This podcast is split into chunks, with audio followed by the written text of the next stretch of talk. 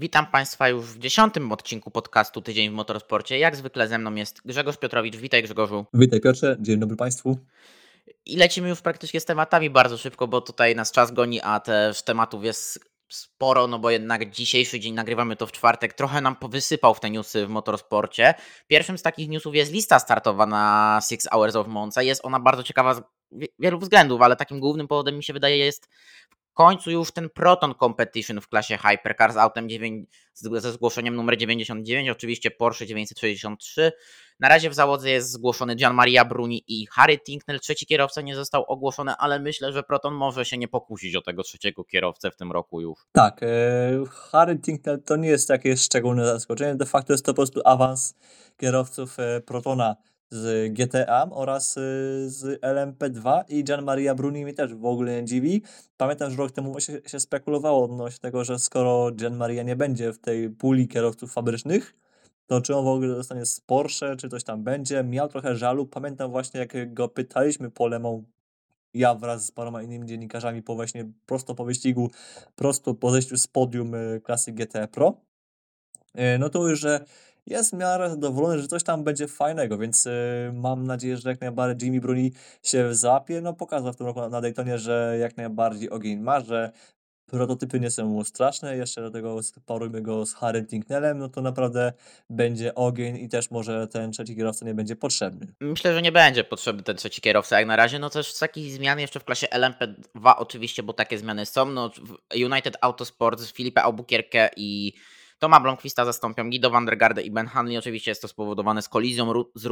z kolizją z rundą WeatherTech Sports Car Championship na to, że Mosport w Kanadzie, a w Premia 63 z powodu kolizji rundy DTM na Norris Ringu z rundą WEG na Moncy, Mirko Bortolottiego w Premia 63 zastąpi Matthias Beż. To jest ciekawy manewr moim zdaniem, ale Matthias Beż jest takim kierowcą, że to już jest stara wyga LMP2 w ogóle prototypów i to będzie naprawdę godne zastępstwo i Prema nie będzie, nie będzie się, nie cofnie się z tym kierowcą gdzieś do tyłu. No nie, no to jest po prostu sprawdzony produkt. Oczywiście nie będzie to najwybitniejsze,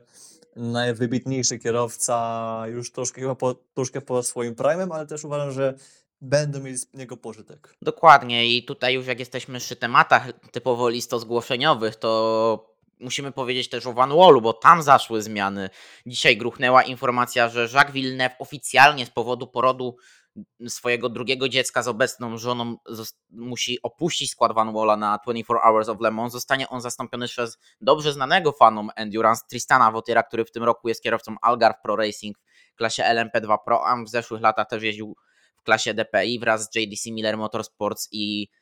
Cadillacu DPI VR, ale myślę, że ten powód oficjalny jest tak naprawdę tylko szykrywką dlatego, żeby, że po prostu Colin Coles już nie wytrzymał i zwolnił Żaka Wilnewa, bo wiedzmy, że musimy wiedzieć to, że tempo Wilnewa było fatalne i przeskok z Wilnewa na Wotiera będzie bardzo widoczny. I, to, i Tristan Votier zostanie, mi się wydaje, najszybszym kierowcą w tej załodze. Tom Dillman będzie po nim, a najwolniejszy będzie Esteban Guerreri. I Van Wall z Votierem naprawdę zaliczy awans i to będzie godna już konkurencja dla Glickenhausa, może nawet coś lepszego niż Glickenhaus. Tak, y, tu się jak najbardziej z Tobą zgadzam. Właśnie y, jak już byłem na SPA, miałem okazję y, rozmawiać z Jacques'em Villeneuve'em, to już było widać po jego żonie, że jest już w bardzo zaawansowany stan ciąży i pomyślałem, oho, chyba wiem, jaki będzie oficjalny powód. Dosłownie, to jest y, pierwsza myśl, jak zobaczyłem jako żonę. Znaczy obecną partnerkę, bo nie to jest status y, matrymonialny, status y, cywilny. Natomiast właśnie po prostu do punktu też mamy gorącą nadzieję właśnie, jest nie, że presja, ale no wszyscy z góry zakładamy, że Christian Wortie do skoku do właśnie od razu wchodząc do auta, będzie na dzień dobry szybszy od Toma Dillmana, od Estebana Guerriero. Oczywiście Tristan Vortier jest mega doświadczonym kierowcą właśnie z DPI, z czasów DPI, z LMP2, więc prototypy nie są mu straszne, on ma naprawdę masę doświadczenia jeżdżenia też e, do właśnie dla JDC Miller Racing, a więc niby Cadillac, ale jednak troszkę to nie jest ten sam Cadillac co w zespole Chipa Ganasiego oraz e, dawniej jeszcze Wayne Taylor Racing, ale no robił z tym autem nieraz e, świetne cuda, więc po Tristianie można sporo oczekiwać, ale myślę, że nie od razu, ale na przestrzeni Le Mans myślę tak, że będzie najszybszy z całej trójki i na tym zyska cały projekt, no bo na razie całość ciągnął właśnie Dillman, Guerrieri był takim drugim, a Villeneuve y, wnosił chyba tylko Splendor oraz tłumy kibiców na sesje autografowe, bo dosłownie był tłum przed jego garażem e, w piątek oraz sobotę na spa. E, jeżeli nie będzie tak, że Tristan będzie najszybszy, no to Koles troszkę może mieć, mm, cóż, no będzie troszkę lipa, e, no bo mówię, oczekujemy, że Wołcie, nie, że zmiecie swoich e, zmienników, ale no będzie, będzie dawał im jakiś przykład, będzie ich pchał cały projekt i będzie kimś, kto właśnie pociągnie zespół właśnie ku, ku jakimś lepszym wynikom. Może właśnie będzie blisko Glickenhausa, może ich pokonają, no, bo na razie Glik, Glik, Van Wall pokazuje, że niezawodność, pomijając ten, y, te spalne, połamane hamulce w, w Portimao, no to naprawdę jest to niezawodne auto. Nawet skoro przetrwali Zebring, mimo kolizji z Peugeotem, naprawdę może być, y, może być bardzo fajnie, więc y, może być równa walka z Glikiem i za, za samochodami LMP2. Yy, ale to się okaże w Le Mans. Yy, może będzie gdzieś tam bliżej Peugeota, bo naprawdę bycie bliżej Peugeota to jest już powoli coś, bo Peugeot też się już yy, jakkolwiek ogarnia z niezawodnością. To, że walka o wygrane jest im na razie nie straszna, to jest inna sprawa, ale naprawdę teraz walka na końcu stawki hypercarów może być ciekawsza. Dokładnie, no tutaj będzie walka pomiędzy niezawodnymi autami, w końcu pomiędzy Peugeotem, pomiędzy Van Wallem, pomiędzy Glickenhausem. Będziemy mieć w końcu to, na co czekaliśmy też, żeby to nie było taka walka Toyota, Ferrari, Porsche, Cadillac, dziękuję bardzo, tylko gdzieś też ten Peugeot się włączy trochę w manual, ok, to nie będą te topowe miejsca, ale tą, tą niezawodnością można wiele ugrać, szczególnie w Le Mans, pamiętajmy, no bo Le Mans jest jednak taką rundą, gdzie, która bardzo stawia na niezawodność i naprawdę mam nadzieję, że Wautier dokończy sezon wraz z Van Wallem i gdzieś po, po, pociągnie ten projekt, ale też nie wiem, czy to będzie taki kierowca na stałe dla Van Walla, no bo gdzieś już też krążą plotki w padoku, że gdzieś Tristan Vautier patrzył na, na siedzenie w tym drugim aucie Wayne Taylor Racing w Akurze na sezon 2024 w WSTC. To są plotki dostarczone przez Marszala Prueta dla racera, więc Zobaczymy jak to będzie i zobaczymy jak to wyjdzie, ale no nawet dokończyć sezon po prostu, żeby Wotier dokończył sezon i na nowy sezon Van Wallu albo wrzucić Estebana Muta, albo jeszcze znaleźć jakiegoś kierowcę, to jest naprawdę fajnie by to wyszło już i by ten projekt naprawdę fajnie się pociągnął. Ale też jeszcze muszę tutaj wspomnieć, jak już jesteśmy przy tematach Le Mans i w ogóle list zgłoszeń, no to e, jest problem w nie tylko dla Graf Racing 39, które to ma problem, gdyż ich brązowy kierowca, czyli François Eriot, doznał kontuzji pleców i najprawdopodobniej zastąpi go Roberto Lacorte, szef Chetilar Racing, kierowca, który jeździł w klasie LMP2 jeszcze gdy Chetilar wystawiał tą, tę Dalarę P217 nieszczęsną, czy to w GTE A z sukcesami, czy to w GTD z sukcesami, więc będzie to godne zastępstwo, myślę, Lacorte dla, za Erio ale też w Protonie 88, który to obok, gdzie tam obok Harry'ego Tinknella nie wystartują Oli Milroy i Brendan Erie bez Inception Racing, tylko Proton musi jeszcze szukać kierowców do tego auta. No cóż, a czasu jest właśnie coraz mniej więcej, yikes, robi się coraz e, bardziej niewygodnie. Testy na Le już za ile? Już za dwa tygodnie, więc e, jesteśmy już coraz coraz bliżej, a trzeba jeszcze w międzyczasie przejść przez testy na symulatorze. We Francji oczywiście przy czym te testy dotyczą kierowców, którzy nie startowali tam przez ostatnie 5-6 lat lub też dłużej lub, w ogóle nie jeździli w Le Mans, więc yy, Roton musi szukać kogoś, kto właśnie albo jeździł wcześniej w Le Mans w tych paru latach, właśnie kogoś z licencją właśnie półamatorską, albo kombinować mu na szybkości test na symulatorze,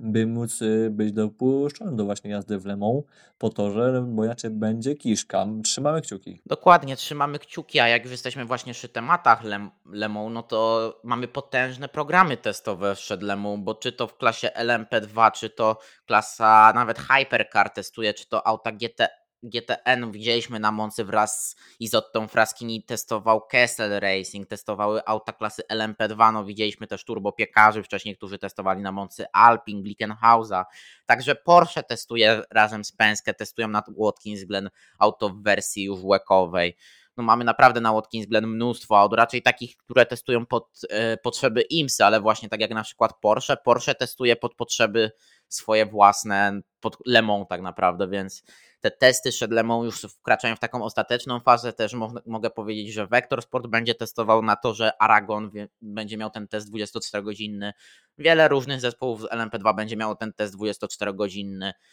Porsche, jeszcze gdzieś tam były testy na Paul Ricard, jeszcze był, są, teraz jest ten test na Watkins Glen, więc tak naprawdę do dni testowych, do tych dni testowych, które już przyszły weekend będą jeszcze tutaj zespoły próbują doszlifować takie ostatnie szczegóły, więc już wkraczamy w tę gorącą fazę. No, u mnie już ikonka aplikacji łekowej się zmieniła na tą zlemą, więc to już wkraczamy w ten okres. Tak, to już jest ten gorący okres, a skoro jeszcze jesteśmy przy lemą, to mogę szczęśliwie potwierdzić, iż jestem od y, dwóch dni E, szczęśliwym posiadaczem e,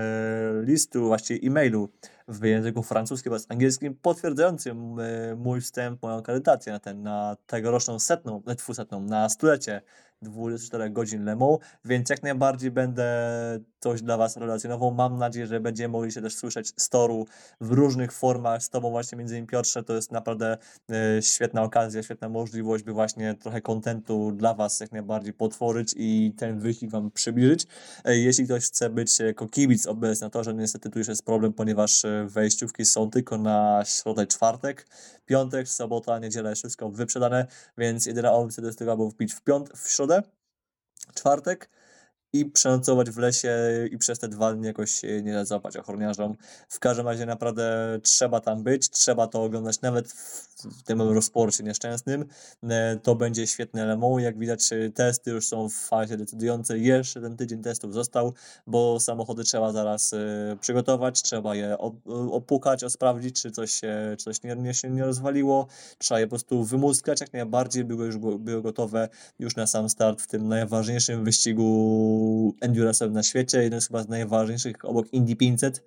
E, wyścigów w ogóle. By the way, Indy 500 e, też mamy w ten weekend, tam też się sporo dzieje i też e, warto tam będzie, będzie te zawody śledzić. W sam raz w kontrze do Grand Prix Monaco, które może być fajne, a może być nudne. Na pewno Indy 500 nie będzie nudne, to mogę powiedzieć. Też to mogę potwierdzić, że Indy 500 nie będzie nudne i naprawdę będzie i warto śledzić Le Mans, czy to wraz z nami jeszcze będziemy też pewnie w następnym odcinku o tym mówić, bo pewne są takie szczegóły, które jeszcze trzeba dopiąć, dograć i też nie nie możemy trochę zdradzać, i, a czy to nawet w Eurosporcie tym nieszczęsnym, albo za pomocą tej telewizji łekowej, która jest od tego, która jest od tego sezonu w nowej formie i naprawdę warto, bo też ten angielski komentarz, jeżeli nie zdecydujecie się na nasz polski, no to angielski komentarz też jest tego warty, ale myślę, że teraz już przejdziemy do tematów klasy GT3, bo ten okres też jest gorący dla GT3. No jesteśmy po pierwszym tak naprawdę pierwszym klasyku dla GT trójek, takim typowo GT trójkowym, czyli Nürburgring 24 Hours i tam została napisana historia, gdyż po raz pierwszy od 2002 roku nie wygrała niemiecka marka, wygrało Ferrari numer 30 zespołu Frikadelli Racing w składzie Earl Bamber, Nicky Katzburg, Felipe Fernandez Lasser i David Pittard którzy wygrali z przewagą około 30-40 sekund na drugim Rowe Racing 98 w składzie Maxem Martę Dries Van Tor, Sheldon van der Linde i Marko Wittmann, więc no to składy są tak naprawdę topką GT światowego, nawet nie, nawet nie tylko GT, no bo Earl Bamber pamiętajmy jeździ w Cadillacu w klasie Hypercar w tym sezonie, a tymczasem dokłada do swojego naprawdę jeszcze pokaźnego CV zwycięstwo w Nürburgringu i brawa dla Fricadelli, że im udało się to tak wszystko spiąć, że dowieźli Ferrari 296 GT3 na, na tą linię mety jako pierwsi i to jest też taki pierwszy poważny sukces dla nowego, nowej konstrukcji Ferrari i Oreki. Tak, to jest naprawdę nie spodziewaliśmy byśmy się, że to auto będzie w stanie już w tym roku, w pierwszym sezonie tak właśnie tak, do takich mocnych wyników nawiązywać. Co więcej, no, biorąc pod uwagę, weźmy pod uwagę to, że Nürburgring 24 to jest podwórko dla niemieckich producentów. Tu przez lata wygrywał Porsche, Audi, BMW, Mercedes,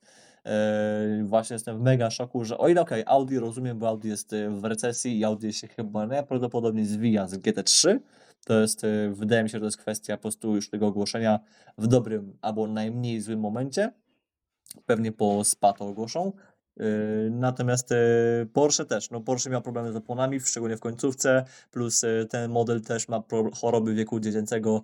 na czele z problemami z kontrolą trakcji i było zagrożenie takie nawet, że to Porsche w ogóle mogłoby przez jakiś czas nie startować w ogóle, bo tam było sporo problemów już natury nawet na poziomie bezpieczeństwa tego samochodu. I na, na szczęście udało się to się wyeliminować, ale i tak problemy z oponami, z przebytymi, z kapciami, które tam się zdarzały w wyścigu, w tym wyścigu, właśnie w wypadku Porsche, no troszkę udaremniły ich próbę właśnie odzyskania korony w,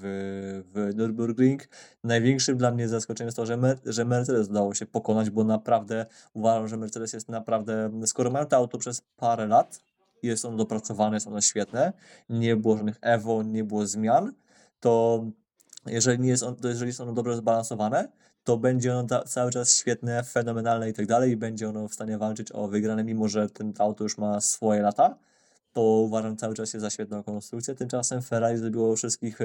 w bambuko i de facto ono już w tych pierwszych godzinach już dominowało, już prowadziło i to z solidną przewagą i de facto tam nie było jakichś szczególnych okoliczności, które sprawiły, żeby Ferrari mogło to jakoś wygrać w jakiś dziwny sposób. Nie. Ferrari to wygrało po prostu dopracowanym autem, które okazuje się, że zdaje egzamin. Dokładnie, Ferrari wygrało to autem, które zdaje egzamin, autem niezawodnym. No też kierowcy pokazali swój, swój kunszt, ale naprawdę brawa dla dla Frikadeli za przygotowanie auta, brawa dla Ferrari, no i możemy się tak naprawdę cieszyć sukcesem, który jest dość wyjątkowym, no bo Ferrari nigdy jakoś nie szło podczas Nürburgringu, też nie było jakichś naprawdę dobrych załóg. W tym roku po raz pierwszy taka załoga przyjechała od dobrych kilku lat, jak dobrze pamiętam, i od razu zgarnęła zwycięstwo, więc naprawdę brawa, brawa, brawa dla Ferrari brawa dla BMW. Mercedes może troszkę być rozgoryczony, bo naprawdę te składy, które tam przywieźli, no przyjechał Maro Engel, przyjechał Gilles Ginon, przyjechał Rafaele Marcello, no przyjechała ta, no wszyscy ci kierowcy Mercedesa, którzy są na najwyższym poziomie przyjechali, a Mercedes nie dość, że został pokonany przez Ferrari, to jeszcze BMW też ich pokonało i to też z dwoma nowymi kierowcami fabrycznymi, no bo pamiętajmy, że Maksym Martin wrac, wrócił w tym roku po kilku latach, a Dries Vantor przesiadł się z Audi do nowego auta dla niego, jakim jest M4 w wersji GT3 i tutaj zostali pokonani. I właśnie jak już jesteśmy przy autach GT3 BMW, niemieckich klimatach, no to DTM zaczyna ten weekend swój sezon na to, że Oschersleben i będzie to nowy DTM. DTM na nowych zasadach, bo pamiętajmy, że DTM od tego sezonu jest promotorem tejże serii jest ADAC, a nie jak to było ITR. I ADAC wprowadziło swoje nowe zasady, wprowadziło zasady, które wprowadziło wprowadziło nowe opony, opony firmy Pirelli, jest nowe BOP dostarczane przez SRO, jest nowy system punktowy, nowy system kar, jest paliwo odnawialne, jest też wydłużone są te wyścigi z 55 minut do godziny plus jednego okrążenia. Punkty teraz będą przyznawane nie dla pierwszej dziesiątki, a dla pierwszej piętnastki, co też jest bardzo ciekawe. System kar będzie polegał na tym, że będzie tak zwana strefa kar, która będzie wynosił, której będzie ograniczenie prędkości do 50 km. Po prostu ten kierowca, który popełni jakieś mocniejsze wykroczenie, będzie musiał w tej strefie pojechać. Tutaj jest to powiedziane, że jest to mniej dotkliwa kara, a jeżeli będzie to mniejsze przewinienie, no to po prostu będzie tak zwany penalty lap znany z MotoGP czy innych serii, które fani motorsportu znają. I też jeszcze dodam tylko, że Team Project One znane z WEC, z wystawiania Porsche w klasie GTE które też wystawi które wystawia w DTM dwa auta, dwa BMW M4 GT3. W jednym z nich pojedzie Marko Wittmann, a w drugim Sandro Holcem, który, czyli młody, zdolny kierowca z klasy GT4, więc naprawdę ta stawka 28 kierowców w DTM-ie będzie w tym roku niesamowicie się ścigała i mimo tego, że ta seria się zmieniła na przestrzeni tego roku, poprzedniego roku i tego roku, to naprawdę nadal warto śledzić DTM, bo to będzie mocna seria sprinterska w klasie GT3. Tak,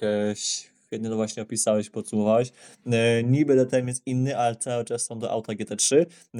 do tej pory BOP było takie, że z tych aut wyciskano sporo, bo ono było mega nastawione na osiągi. Do tego by te auta były mega szybkie, natomiast to było złe dla kosztów, dla walki w dłuższej perspektywie. Teraz, y, tak jak powiedziałeś, inne BOP, bo BOP dostarczy SRO, więc te auta może nie będą zapieprzały tak bardzo, jak zasuwały do tej pory, będą troszkę wolniejsze. Natomiast dzięki temu, że będzie BOP od SRO, będą opony Pirelli, a więc de facto specyfikacja techniczna będzie taka sama, jak ma to miejsce w GT World Challenge bo też mają BOP od SRO oraz opony Pirelli, to może ta walka będzie właśnie lepsza, rywalizacja będzie jeszcze jaśniejsza. Zmienił też się sposób restartów, chyba to, ten, czy to wspomniałeś, bo to wychwyciłem, że będzie troszkę mniej kolizjogenny, właśnie tak jak zmiany w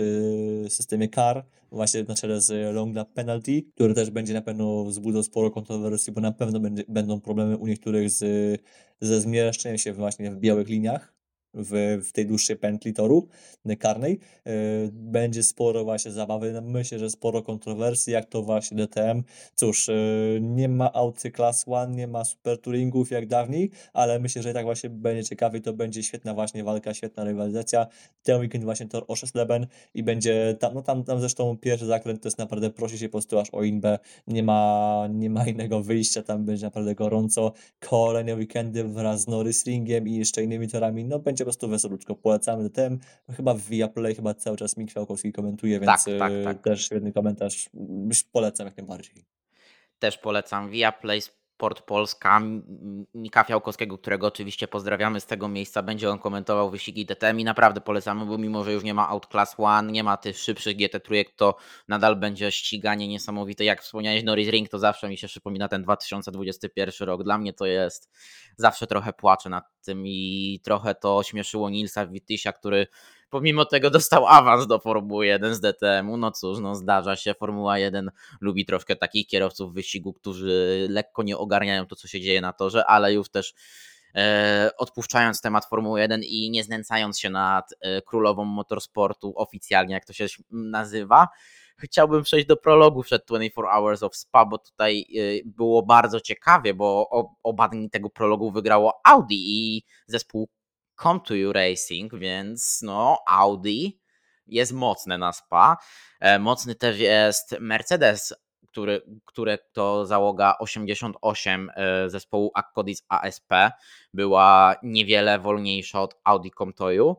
ale też trzeba wspomnieć, że Attempto Racing jest mocne z Audi, więc naprawdę Audi były w czołówce w tym prologu i Audi może pożegnać się z GT3 i pożegnać się ze SPA na wysokim poziomie. Tak, no właśnie, well, fajnie byłoby na to, na to odejście, coś właśnie jeszcze wygrać w tej,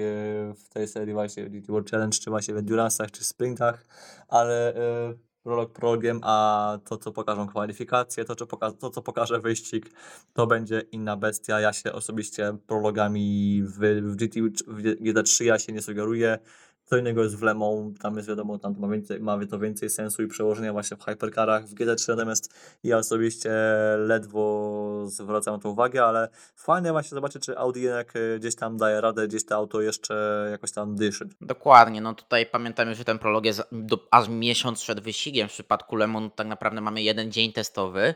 który poprzedza, który jest weekend poprzedzający sam wyścig, więc to ma więcej przełożenia, no bo te auta już są przygotowane typowo pod Le Mans, pod ten sam dzień testowy, a tutaj no jeszcze te auta będą gdzieś pewnie jeździć w jakichś testach może, czy gdzieś, gdziekolwiek indziej, więc tak jak powiedziałeś, tutaj nie ma na to co zwracać uwagi w ogóle. I myślę, że możemy przejść już do ostatniego tematu dzisiejszego odcinka, bo jest to taki krótki, typowo newsowy odcinek, czyli o plotce, która nam gruchnęła praktycznie jak yy, jabłko z jabłoni, że tak powiem, a jest to wskrzeszenie serii A1GP jako Puchar Świata, motor, motorsportowy Puchar Świata i jest to bardzo ciekawe z tego powodu, gdyż stoi za tym bardzo znana dobrze polskim fanom osoba, czyli Marcin Budkowski, który obecnie jest ekspertem Viaplay. Pracował między innymi w Alpin, w McLarenie, w Ferrari, w Renault, a też miał na koncie epizod w FIA i to on by miał stać za reaktywacją słynnej serii A1GP. Tak, jest jedną z tych osób, która miałaby stać za reaktywacją i bardzo ciekawe są założenia tej właśnie serii, ponieważ e, plany są takie, by samochód, jaki miałby tam być, oczywiście to byłoby pewnie standardowe auto, które prawdopodobnie pewnie wyprodukowałaby Dalara, byłoby najbliższe temu, co miałoby być F, co ma reprezentować F1 pod kątem osiągów, a to będzie bardzo trudne, bo już auto Super Formula jest y, bardzo szybkie, która się mieści chyba na 107, w 107% F1 obecnych. E, a seria ta podobną, według tego co donieśli Brytyjczycy, chce być drugą najszybszą serią single sterów na świecie, więc muszą pokonać y, Super Formula, więc de facto muszą wejść już w terytorium F1, co oznaczałoby, że w najgorszym, w najlepszym wypadku, w najlżejszym wypadku, no musieliby wyprodukować y, bolid Williamsa albo Alfa Tauri, żeby, żeby być gdzieś w tym zakresie. I propos F1 ciekawą rzeczą jest to, że jeśli się nie mylę, promotorem miałby być, bo to jeszcze nie jest potwierdzone, ale y, twórcy serii starają się, by promotorem tej serii było Liberty Media. Dobrze kojarzę, Piotrze? Tak, dobrze kojarzysz. Tutaj się starają, żeby gdzieś Liberty Media skusić. I tu właśnie ja uważam, że to może być bardzo ciekawy pomysł e, na szybkości. Po prostu, gdyby Liberty Media był promotorem tej serii, to sypnęliby oczywiście pieniądzem, oczywiście ch- chcieliby z tego też e, swoją cytrynkę wycisnąć, czyli po prostu chcieliby też jakieś zwrot inwestycji mieć, ale dla nich to byłoby coś, e, dla nich byłby to prawie, że złoty gral, bo po pierwsze mogliby wpychać tą serię do krajów arabskich ile chcą, mogą wpychać ją do USA ile chcą i mogą też tym y, psuć rynek IndyCar ile chcą. Oczywiście dla IndyCarów jest to złe, ale no dla serii tej, która ma być tą, y, która ma powstać jako właśnie taki y, odrodzenie A1, A1GP, to byłoby coś świetnego. Mogliby na maksa eksperymentować z formatami, które potem mogliby próbować przenieść do F1. F1 mogłaby wówczas, y, załóżmy, być taka już mniej cyrkowa, taka mniej, mniej takim cyrkiem obwoźnym, który, którym y, robi się z tymi małpami, co tego można i zaprzeczyć, zaprzeczyć modelu sportowy, jak tylko się da, bo tak to moim zdaniem w w F1 wygląda ostatnio, że jest sporo show, a jest mało uwagi e, ku ściganiu zrzuconej, no to właśnie ta nowa seria mogłaby być właśnie takim e, polem eksperymentalnym właśnie pod kątem formatów, pod kątem tego, jak nie wiem, e, wprowadzać jakieś e, rozwiązania techniczne, załóżmy, nie wiem, wywalamy skrzydła, wywalamy podłogę, nie wiem, wywalamy silnik, e, e, po prostu robimy jakieś różne dzikie modyfikacje z tymi samochodami. Oczywiście samochód miałby, miałby być ten sam dla każdego kierowcy w tej serii, ale z roku na rok pewnie jakieś drobne modyfikacje by wchodziły i byłoby sporo eksperymentów, które potem mogły być przydatne pod kątem właśnie F1, więc pod tym kątem Liberty Media, gdyby promowało tą serię, gdyby było ich jej promotorem, czy też właścicielem praw komercyjnych, dla nich byłby to taki bardzo dobry eksperyment i ciekawy pomysł, więc y, gdyby takie coś wypaliło, powstanie serii oraz y, przejęcie jej przez Liberty, to byłoby naprawdę bardzo ciekawe. Ja jestem jak najbardziej ciekaw. Kończąc temat, pod kątem kierowców, jestem ciekaw, czy udałoby tam się wepchnąć jakieś e, gwiazdy, ale gwiazdy typu e, kierowcy platynowi, złoci z łeku, typu Buemi, Hartley, e, nie wiem, e, Fernando Alonso, jak już skończy z F1, albo jeszcze innych, całą masę kierowców, nie wiem, z IndyCarów, czyli po prostu taki top of the top. Czy może to był takie bardziej taka pojeżdżawka dla Jacques'a Villeneuve'a, dla kierowców typu Nigel Mansell, który ścigał się w roku 2006 w GP Masters, czyli taką pojeżdżawką dla byłych kierowców F1, którzy, którzy przyciągają ten fanów, ale no, ale no ten, ale no osiągów nie prezentują.